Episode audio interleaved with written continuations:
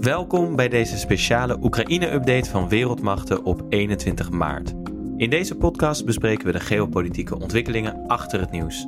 Mijn naam is Tim Wagemakers en samen met journalist Hans Klis bespreek ik de laatste geopolitieke updates rond de oorlog in Oekraïne. Dat zijn vandaag de inzet van hypersonische raketten en Polens wens om een vredesmissie te beginnen met de NAVO.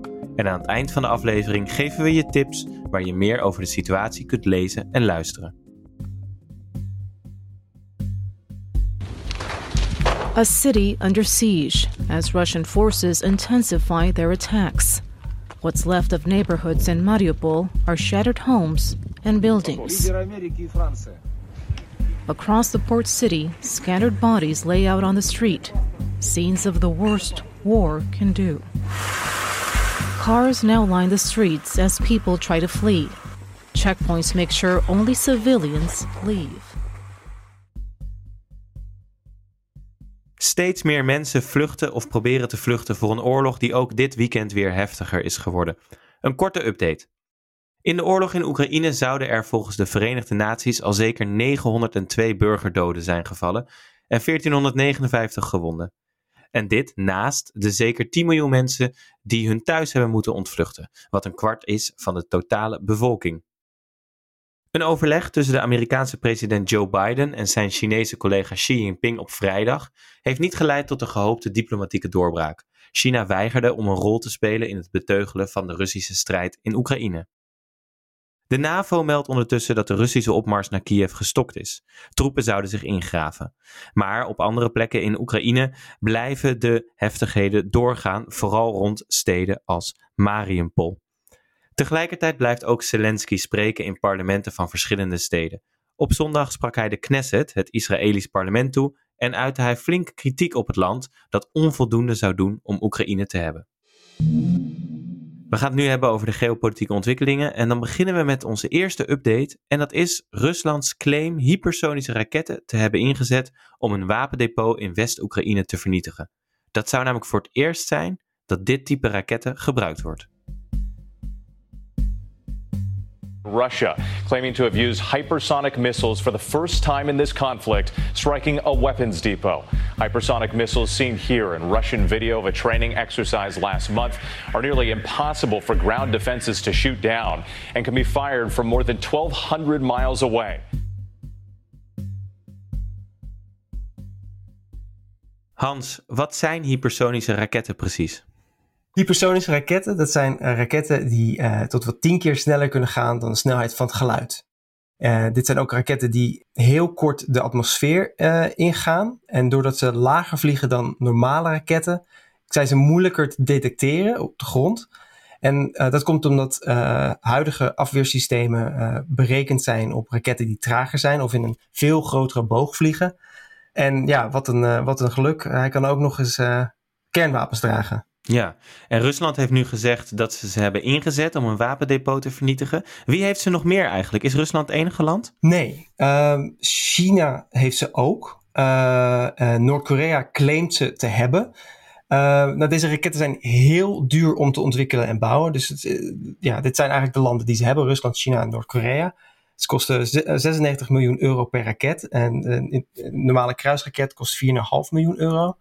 Uh, de VS zegt ze te zijn ontwikkelen. Uh, een week geleden gaf het Pentagon nog aan dat, dat ze die ontwikkeling willen versnellen. Omdat, ja, omdat ja, de, de grote tegenstanders in in op het wereldtoneel, China en Rusland ze al hebben. Um, en Australië, Indië, Frankrijk, Duitsland, Japan, Iran, Israël en Zuid-Korea zijn ze ook aan het ontwikkelen. en dat kan gaan van gewoon het ja, fundamentele onderzoek voor die raketten of ze echt al een beetje aan het uittesten. Uh, maar ze zijn super duur en het is eigenlijk, ja, iedereen wil ze nu hebben, want dat ze zo, omdat ze afweersystemen kunnen ontduiken eigenlijk. En het is eigenlijk, ja, de New York Times sprak al in 2019 over een nieuwe arms race, dus nieuwe wapenwedloop. En dat Poetin ze nu zou hebben ingezet, hè? want daar is ook nog wel een beetje onduidelijkheid over. Is dat nou een teken van kracht dat hij dat nu doet? Je kunt het uh, op twee manieren bekijken. Ze zijn nog nooit eerder uh, in conflict gebruikt, die, hypersonische raketten. Dus je kunt op die manier zien als een soort van escalatie. Van kijk eens, ik ben bereid om deze raketten in te zetten. Maar aan de andere kant denken analisten dat uh, ja, bij de Russen misschien wel de gewone raketten een beetje opraken. En dat ze dus gedwongen zijn om dit soort hele dure raketten in te zetten. Ja, ja. maar tot, het is dus inderdaad wel zo dat die hypersonische raketten een soort uh, nieuwe technologie in oorlogen zijn waar al jaren mee, uh, waar al jaren onderzoek naar gedaan wordt, maar waar nu eigenlijk toch wel voor het eerst, nou eigenlijk net zoals Poetin in Syrië ook allerlei nieuwe wapenmaterialen uh, voor het eerst gebruikte en inzette, dat dat nu ook in Oekraïne aan de hand lijkt te zijn rond die hypersonische raketten.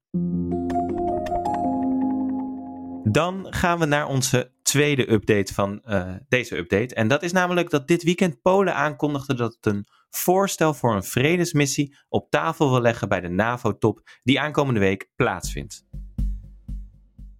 We will never leave you alone. We will be with you because we know that you are fighting not only for your homes, for your freedom, for your security, but also for ours. Hans, wat gaat er gebeuren deze week? Nou, op donderdag 24 maart komen er allerlei leiders bijeen in Brussel voor een EU-top en een NAVO-top. En waar ze gaan praten over ja, de situatie in Oekraïne. Uh, ze zullen daar het hebben over de militaire en humanitaire hulp die ze willen uh, bieden aan, aan, het land. Uh, en de premier van Polen, die was afgelopen week al samen met zijn collega's uit Tsjechië en Slovenië in het belegerde Kiev. En daar spraken ze ook met president Zelensky. En daar kwamen ze eigenlijk op uit dat ze graag een vredesmissie willen opzetten in Oekraïne die daar humanitaire hulp gaat aanbieden. Maar ook waar nodig uh, zichzelf of met behulp van nog een gewapende macht uh, zichzelf kunnen verdedigen. En is dat eigenlijk wel verstandig om te doen, om daar een gewapende macht potentieel in te kunnen zetten? Nou, het is eh, eerst moet, moet, als we het bekijken van, van bijvoorbeeld zo'n land als Polen en Slovenië. Uh, het is niet zo heel gek dat zij, dat zij daar over de grens kijken naar Oekraïne en wat daar gebeurt. Uh, ja, ze zijn oud-Sovjet-Unie-landen en ja, ze, ze willen niet hulpeloos toekijken.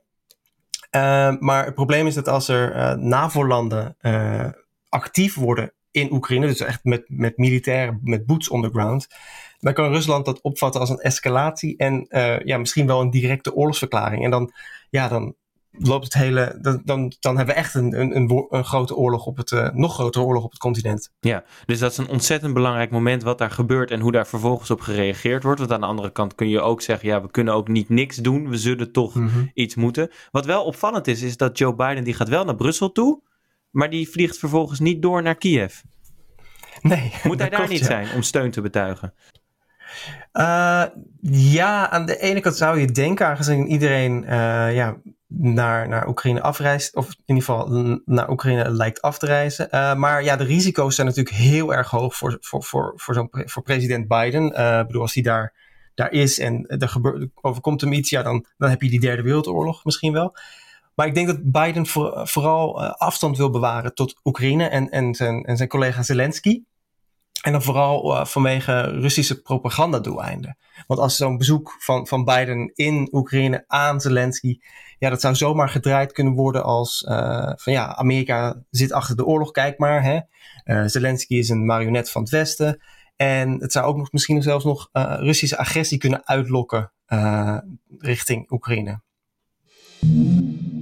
Dan delen we ter afsluiting graag nog allebei een tip met je om meer te lezen of luisteren over de geopolitieke situatie rond de oorlog. Uh, en zelf wilde ik dit keer tippen een podcast van BBC Assignment. We zullen hem in de show notes zetten. En die heet The Fate of Russia's Soldiers. En verslaggever Tim Wewell volgt daarin het verhaal van een Russische soldaat in Oekraïnse krijgsgevangenschap. En deze man wordt geholpen door een Oekraïense vrouw om in contact te komen met zijn Russische familie. Wat sowieso opmerkelijk is, want Russische bommen hebben het huis van die vrouw in Odessa gebombardeerd. En vervolgens gaat zij een Russische soldaat helpen. En ik vond een heel menselijk verhaal waar zoveel in samenkwam. Ook omdat ja, de vraag die erboven blijft hangen is: wist deze Russische soldaat nou wat hij kwam doen? Is hij een. Uh, geloofde hij in Poetins verhaal? En maakt dat nu nog, nu hij in gevangenschap zit, uh, maakt dat nog uit? Ik vond het een fascinerend verhaal dat voor mij uh, weer een extra laag aan de oorlog toevoegt. Dus luister dat vooral. Hans, wat is jouw tip? Nou, ik, uh, ik wil graag uh, een journalist tippen, Michael Persson. Dat is uh, eigenlijk een collega van mij uit, uit Amerika. Die, die zat er ook als correspondent lange tijd. en hij zit nu in Oekraïne en hij zit daar voor de Volkskrant. En hij schrijft daar echt ja, hele grote, mooie reportages. Ook nu in Odessa, waar, waar, ze, waar ze achter de zandzakken wachten op de Russische troepen. Ja, ik zou dat iedereen aanraden om die, die mooie verhalen van, van Michael te lezen. Heer, heer, moeten ze doen. Bedankt voor het luisteren. Donderdag zijn we weer bij je terug met een reguliere aflevering. Daar gaan we dit keer dieper in op de vraag: zorgt de oorlog in Oekraïne voor een kentering in onze geglobaliseerde wereld? Gaan we terug naar meer regionalisatie in plaats van globalisatie? Zorg dat je je abonneert op deze podcast, zodat de aflevering meteen in je feed belandt. En heb jij vragen of tips die we met de luisteraars kunnen delen? Stuur ons dan een bericht via Twitter, Instagram of vriendvandeshow.nl slash wereldmachten.